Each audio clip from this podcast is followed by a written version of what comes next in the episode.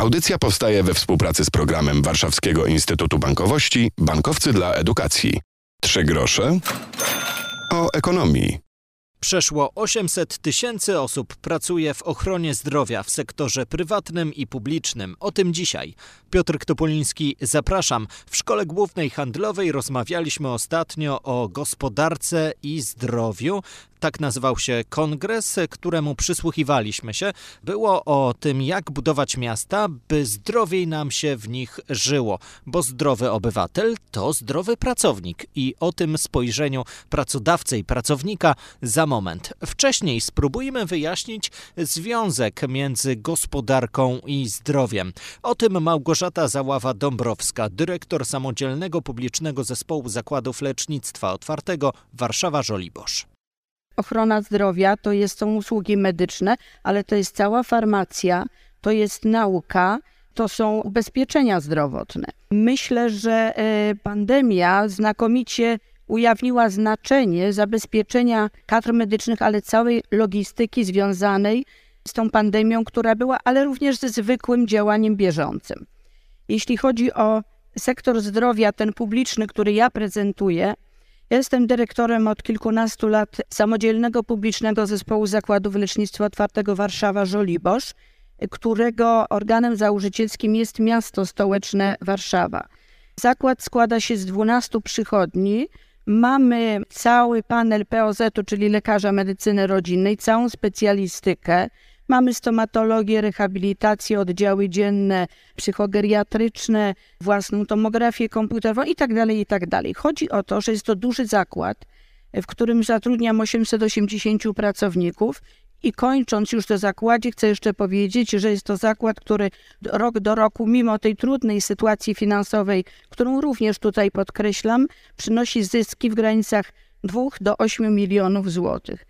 Za własne pieniądze. Kupiliśmy tomograf i rezonans 12 lat temu, budujemy własne przychodnie, czyli można. Ale wracając do roli sektora publicznej ochrony zdrowia, to podkreślam, że jest to oczywiście ważny sektor zatrudnienia, bo te 500 czy 700 czy 800 tysięcy ludzi, o których mówimy, to nie tylko lekarze, pielęgniarki, fizjoterapeuci zatrudnieni tutaj, w naszych zakładach, ale to również cały system aktywności i cały system innych firm, czyli na przykład firm farmaceutycznych. To jest zatrudnienie dla dostawców sprzętu medycznego i tak dalej, i tak dalej. Jeśli chodzi o związek między rolą naszej pracy a gospodarką, to przecież dobra jakościowo usługa medyczna proponuje i wyzwala zdrowego pracownika. Zdrowy pracownik to jest pracownik, który przynosi dużą produktywność w działalności. Nie wymieniając już wielkości miliardów, które przez Narodowy Fundusz Zdrowia zostały włożone w ostatnim czasie, to i tak odstajemy jeszcze od średniej, bo średnia europejska to jest 8,8.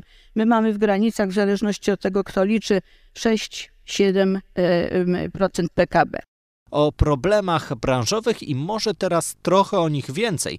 Profesor UJ-u, doktor habilitowany Wojciech Cyrul, to dyrektor Uniwersyteckiego Szpitala Dziecięcego w Krakowie. Mówił on o problemach ochrony zdrowia i podkreślał rolę tego sektora jako pracodawcy. Być może moje doświadczenia, czy moja codzienna praktyka i spotkania powodują, że jestem mniej optymistyczny niż tutaj koledzy, którzy w szczególności przyjechali z Unii Europejskiej. Ja tam mieszkałem wiele lat i pracowałem też w Brukseli. Wszystko w hasłach wygląda pięknie. Ale później, jak wejdziecie do oddziałów szpitalnych, gdzie mamy niedofinansowaną infrastrukturę, wypalony i sfrustrowany personel, on już nie jest źle opłacany. To jest nieprawda. Większość personelu medycznego może dzisiaj godnie zarabiać. To jest problem kontekstów, jak funkcjonują. Nikt im nie pomaga i nawet takich szpitali jak nasz, problem wypalenia zawodowego dopiero jest dostrzegany. Problem braku kadr, fatalnych regulacji, które przenoszą odpowiedzialność na odpowiedzialność również karną na osoby, które wykonują świadczenia zdrowotne.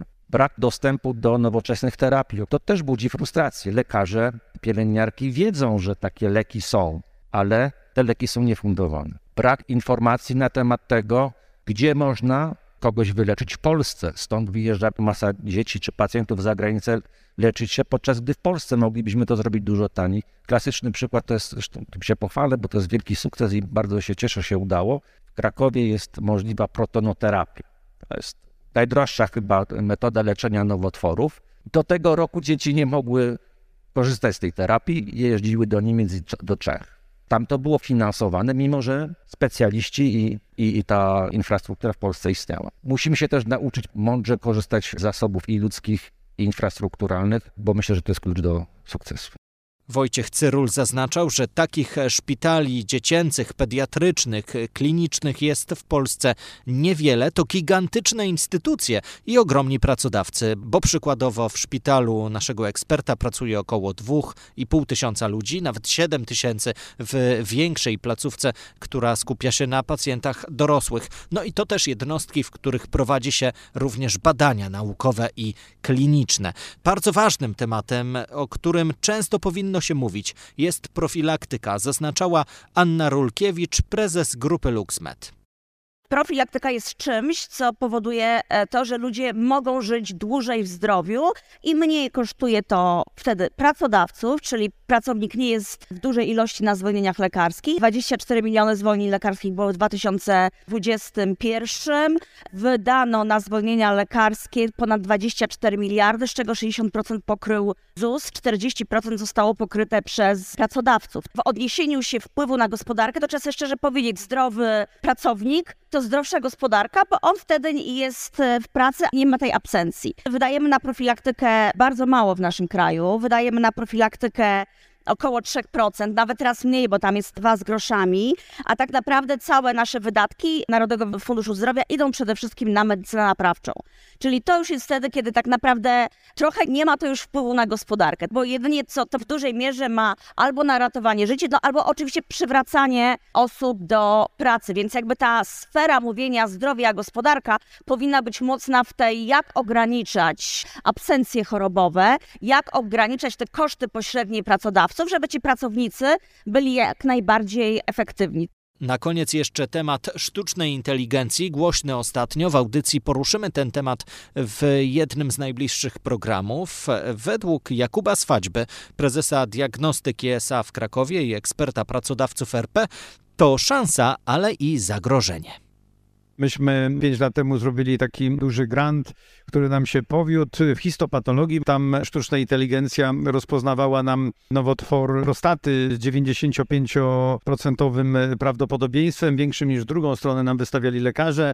Natomiast nasi lekarze się nam zbuntowali, powiedzieli, że tego dziadostwa nie będą robili i że absolutnie. Oczywiście nie chcieliśmy zastąpić lekarzy na tym etapie przed pięciu laty, tylko chcieliśmy, że tak powiem, robić pewien screening, który by im podpowiadał, pokazywał im tam gwiazdeczką i pokazywał palcem, tu może widzisz, rób to szybciej, prawda, bo my jesteśmy znani jako ten fatalny, że tak powiem, diagnostyczny kombajn, który zmusza lekarzy do robienia 15 tysięcy badań histopatologicznych na minutę. I z tym narzędziem może by się to udało bardziej kompetentnie robić, ale niestety histopatolodzy nasi się na to, że tak powiem, nie dali nabrać. Natomiast dają się na to nabrać w tej chwili już dosyć powszechnie radiolodzy i w radiologii faktycznie software'y wyuczone na sztucznej inteligencji już podpowiadają nam rozpoznania i to z różnych, to już są FDA zatwierdzone różnego rodzaju algorytmy. W medycynie jest o tyle dziwne, że albo nie dziwne, ale tak powinno być, że w pewnym momencie musimy zatrzymać sztuczną inteligencję i dopiero przejść certyfikację, i dopiero potem gdzieś w researchu robić nową, że tak powiem, grupę aparatów. I teraz są takie startupy, które robią te takie software'y, które mogą sobie lekarze wgrywać do swoich komputerów i sprawdzać zdjęcia radiologiczne, ale z drugiej strony, ja myślę, w ciągu dwóch, trzech lat to już właśnie tylko Siemens i inni będą, że tak powiem, to już bezpośrednio trochę będą opóźnieni o to pół roku, a może kiedyś tylko 2-3 tygodnie i będą dawali te najnowsze software'y pomagające lekarzom, ale nie tylko radiolodzy. Ja tak myślałem, no jedyni, którzy mogą się czuć bezpiecznie, to psychiatrzy.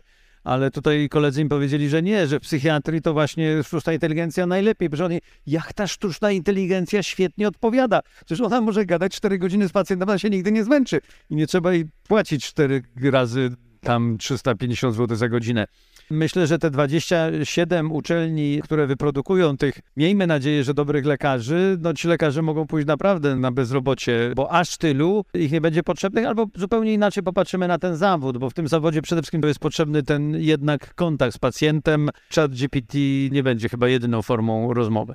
Podczas kongresu Zdrowie i Gospodarka mowa też była o spędzaniu wolnego czasu, o tym jak miasta powinny być planowane i budowane, by żyło się w nich i zdrowo, i tak by nie cały czas pracować, lecz tak, żeby mieć czas na odpoczynek. Zachęcam do słuchania podcastów. To również świetna forma spędzania wolnego czasu, a przy okazji można się czegoś pouczyć, zwłaszcza jeśli znajdziecie w swoich aplikacjach z podcastami tytuł 3 grosze o ekonomii, to tytuł naszej audycji i poprzednie spotkania, w których rozmawialiśmy choćby o cyberbezpieczeństwie i o kompetencjach potrzebnych na rynku pracy. W najbliższym czasie mowa będzie o wspomnianej już sztucznej inteligencji, ale nie tylko. Warto z nami być i słuchać i śledzić. Piotr Topuliński, do usłyszenia. Audycja powstaje we współpracy z programem Warszawskiego Instytutu Bankowości Bankowcy dla Edukacji.